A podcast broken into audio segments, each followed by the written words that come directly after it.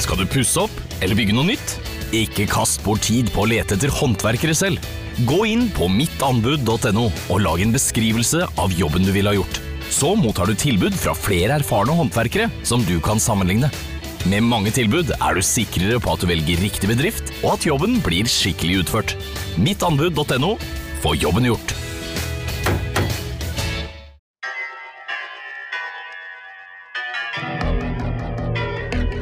Hytta vår.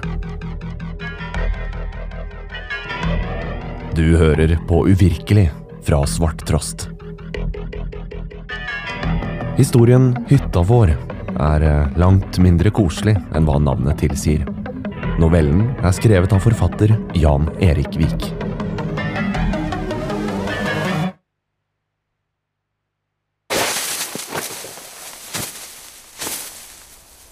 Jeg sto til knærne i nysnøen og stirret mot hytta. Månen skinte glimtvis gjennom sprekker i det mørke skylaget, og fikk det vinterkledde landskapet omkring meg til å få en nyanse av lyseblått.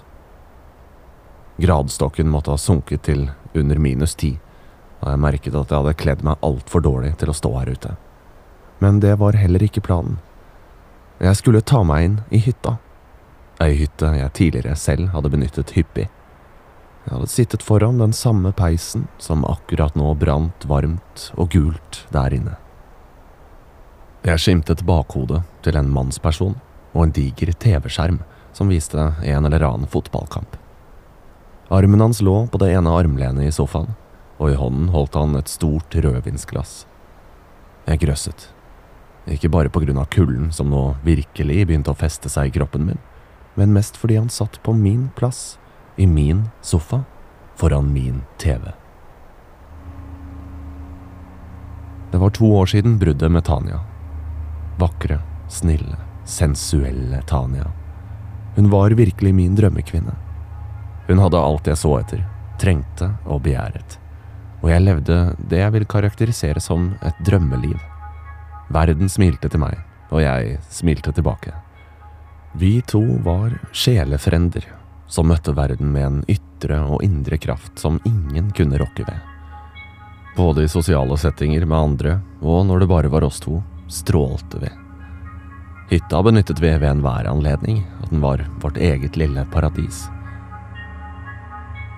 Vi ble beskrevet av venner som den perfekte matchen, og jeg vet at flere misunte vårt solide forhold.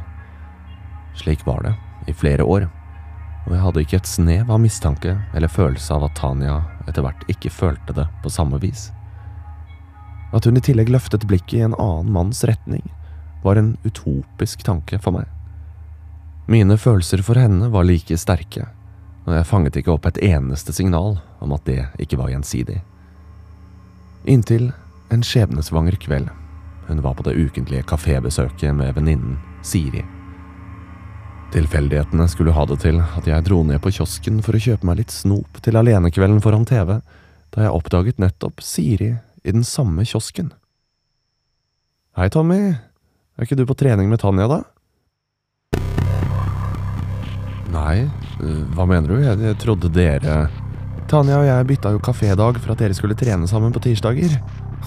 Dere to, altså. Det perfekte paret. Jeg kunne aldri fått med meg Georg på noe fysisk. Georg var hennes slabbedask av en samboer, men jeg hørte knapt at hun nevnte ham. Det berømte knyttneveslaget dundret nemlig inn i mellomgulvet mitt. Jeg kaldsvettet og ble oppriktig kvalm. Jeg klarte ikke å opprettholde fasaden som nå knuste som et løgnaktig speil, men på et vis kom jeg ut av situasjonen med æren i behold. Nei, jeg er ikke helt i form, så vi måtte Vi måtte avlyse det. Jeg er egentlig her for å kjøpe Paracet. Beklager, men vi får prate seinere. Jeg, jeg må komme meg hjem. Ti minutter seinere satt jeg i sofaen med svetten silende nedover ryggsøylen, og med en kropp som skalv ukontrollert. Hva i helsike var i ferd med å skje? Eller hva hadde allerede skjedd? Jeg så for meg de verste scenarioer, hvor Tanja var involvert seksuelt med et annet mannfolk. Og mine antakelser var ikke langt unna sannheten. Hun hadde truffet en annen. Kasper Gran. En yngre, høyere og mer veltrent fyr. Jeg konfronterte henne med det straks hun kom inn døren, og hun la øyeblikkelig alle kortene på bordet. Det virket ikke som det var tungt for henne å vise pokerhånden frem, snarere som en lettelse. Det gjorde det hele enda mer tydelig for meg. Livet jeg hadde opplevd så perfekt, hadde hatt en skyggeside jeg ikke ante fantes. Jeg var i ferd med å miste min største kjærlighet, min livspartner. Det trygge, gode livet mitt sto på fullstendig utrygg grunn og var i ferd med å rase ut som et jordskjelv. Jeg var desperat, noe som ofte verken er sjarmerende eller særlig konstruktivt. Jeg gråt, tryglet og truet, men ingenting hjalp. Det var som om Tanya hadde forandret seg over natten. Det var en annen person som satt foran meg, og det var helt tydelig at hun ikke lenger hadde samme syn på meg og oss. Hun virket kynisk og nesten aggressiv. Hun var fast bestemt på å forlate meg for denne nye elskeren, som tydeligvis kunne erstatte meg med et fingerknips. Og det endte akkurat slik. Dagen etter var hun ute av livet mitt. Eller rettere sagt, så var jeg ute av livet hennes. For jeg klarte ikke å glemme henne, og det vi hadde. Hun flyttet direkte inn i en ny bolig og et nytt samboerskap. De praktiske sakene omkring bruddet løste vi kort og brutalt, og vips så satt jeg igjen alene. Hytta var det hun som overtok, noe som var ekstra tungt ettersom den hadde vært selve symbolet på oss to og vår kjærlighet. Den første tiden var jeg fullstendig knekt. Jeg hatet henne, som besatt, og kunne ikke forstå hvordan hun kunne utsette meg for noe slikt. Deretter kom selvransakelsen, hvor jeg gravde meg selv dypere og dypere ned i dritten og nedgraderte min egen verdi til et nullpunkt. Til slutt, etter nærmere halvannet år, kom sinnet, aggresjonen og ikke minst hevnlysten. Det var derfor jeg sto her nå, på vinterfjellet, i ti minus, med en kropp som dirret både av kulde og av hat. Jeg hadde planlagt alt til punkt og prikke. Jeg hadde skaffet meg en lånebil ingen kunne spore i min retning. Ingen veikameraer ville i ettertid oppdage min egen bil i nærheten av hyttefeltet. Den sto nemlig parkert utenfor et hotell jeg hadde sjekket inn på, i en by mange mil unna. Mobilen min var plassert på hotellrommet, så dersom den ble sporet, ville jeg etter dens plassering befinne meg i helt andre omgivelser. Jeg hadde fortalt både kolleger og venner at jeg trengte en frihelg, så alibiet mitt totalt sett skulle være ganske så trygt. I tillegg hadde jeg ringt ned til resepsjonen før jeg dro og bedt dem om å legge inn en flaske bobler på rommet, imens jeg selv vitterlig skulle benytte hotellets badebasseng. I virkeligheten sto jeg altså utenfor min gamle hytte, hvor aggresjonen og adrenalinet bygde seg kraftig opp. Det var gått halvannet år, og det i seg selv hadde fått de fleste til å glemme meg og Tanja, men jeg hadde ikke glemt.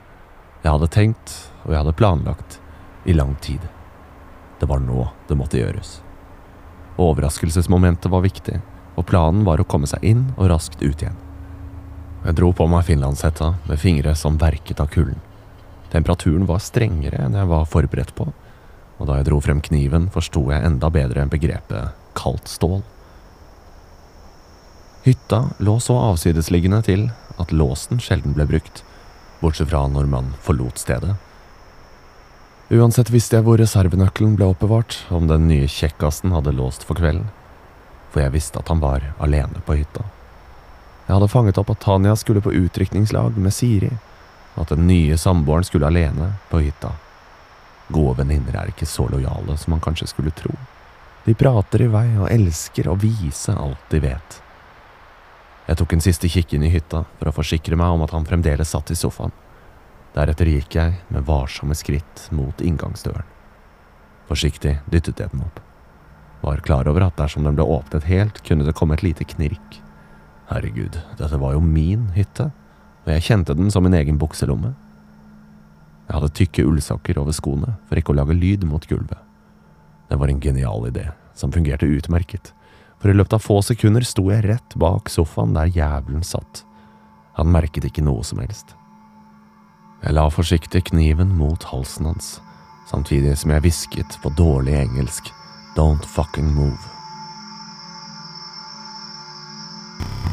Planen var å skremme livskiten ut av ham.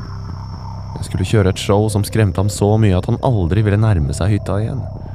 Ingen, ingen skulle overta mitt revir og komme fra det uten varig men. Gevinsten min var ikke større enn at jeg skulle stilne hevnlysten, men det var godt nok. Jeg måtte slukke den tørsten på et vis, hvis ikke ville jeg aldri få ro i sjelen. Jeg skulle forsvinne like raskt som jeg var kommet, og skape en usikkerhet som ville forfølge livet på hytta for resten av hans levetid. Men levetiden skulle bli kortere enn vi begge hadde tenkt. Da jeg satt kniven mot halsen, hadde jeg overhodet ikke tenkt på at fyren ville skvette så mye at han rykket til. Uten å gå mer detaljert til verks, så boret kniven seg inn i halsen. Jeg tror vi begge var like sjokkerte, men reaksjonen vår var ulik.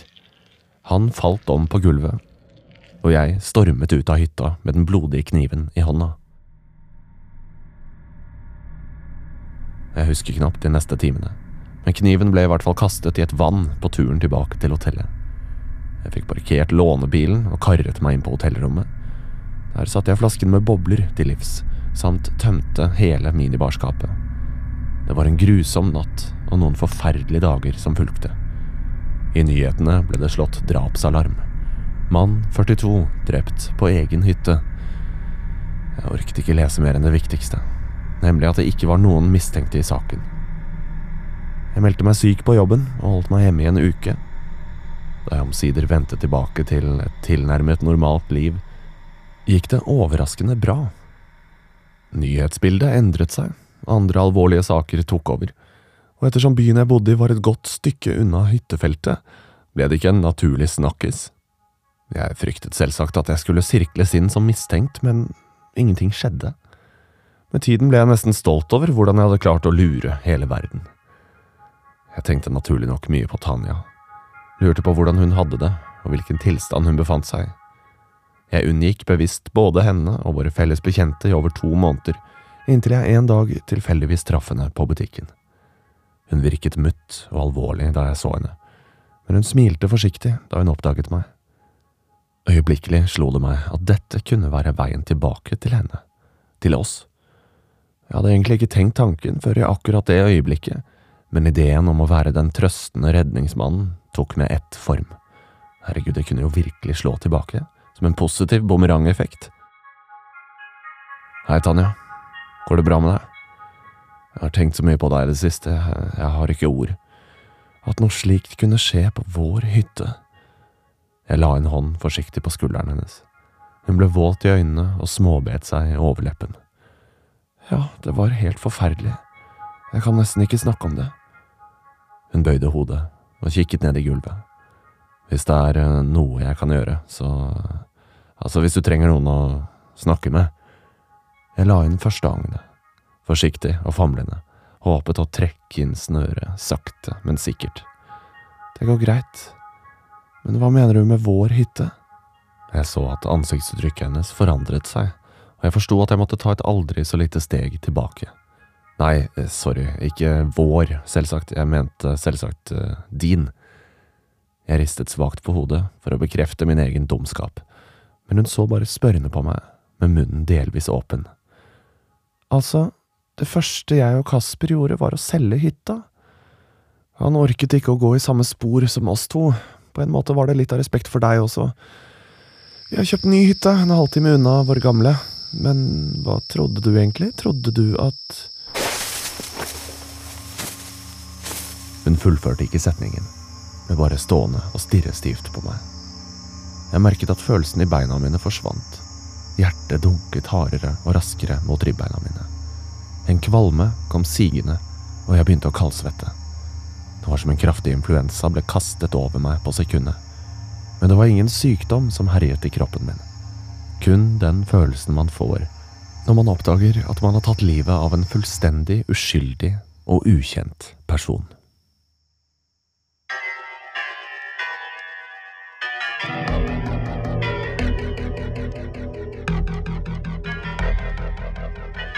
Du har hørt en novelle skrevet av forfatter Jan Erik Vik, produsert av Svarttrost. Historien er lest av Scott Maurstad, og Hans Kristen Hyrve har stått for musikk og lyddesign.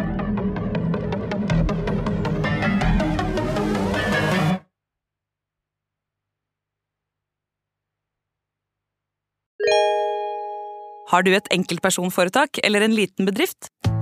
Syns du regnskap tok mye tid og førte til mye frustrasjon i fjor? Med regnskapsprogrammet Fiken får du et språk du forstår, automatisk utfylling og innsending til Altinn, samt en app som tolker kvitteringene dine for deg.